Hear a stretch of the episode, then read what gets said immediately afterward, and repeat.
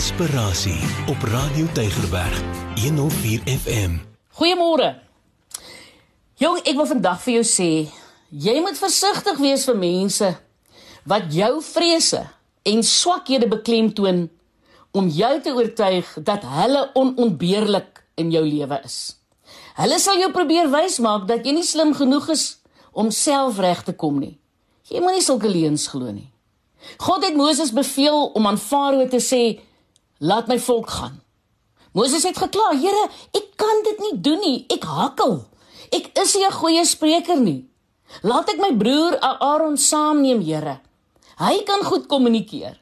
Hy het baie meer selfvertroue as ek. Jong, as ek hom by my het, sal ek dit kan doen, Here." Moses wou sy broer as skrik gebruik. Toe hulle voor Farao staan en na Aaron gereed maak om te praat, het iets skielik in Moses se binneste gebeur. Hy het gevoel sy oomblik het aangebreek.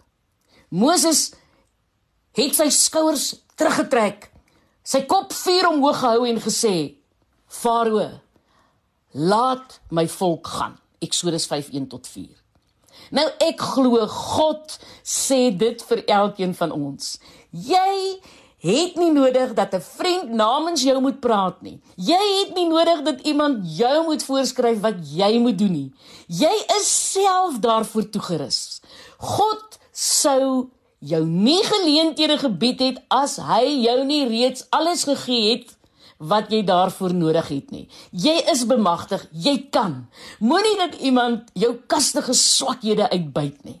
Jy gaan natuurlik in die lewe hulp nodig hê moet net nooit toelaat enige iemand toelaat om dinge vir jou te doen wat jy self kan doen nie.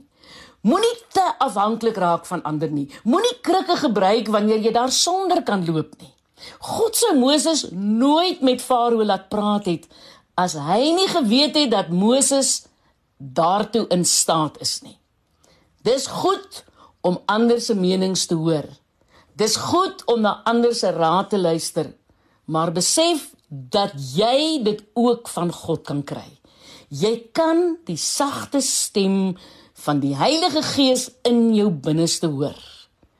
Die groen lig om voort te gaan is gewoonlik God se vrede.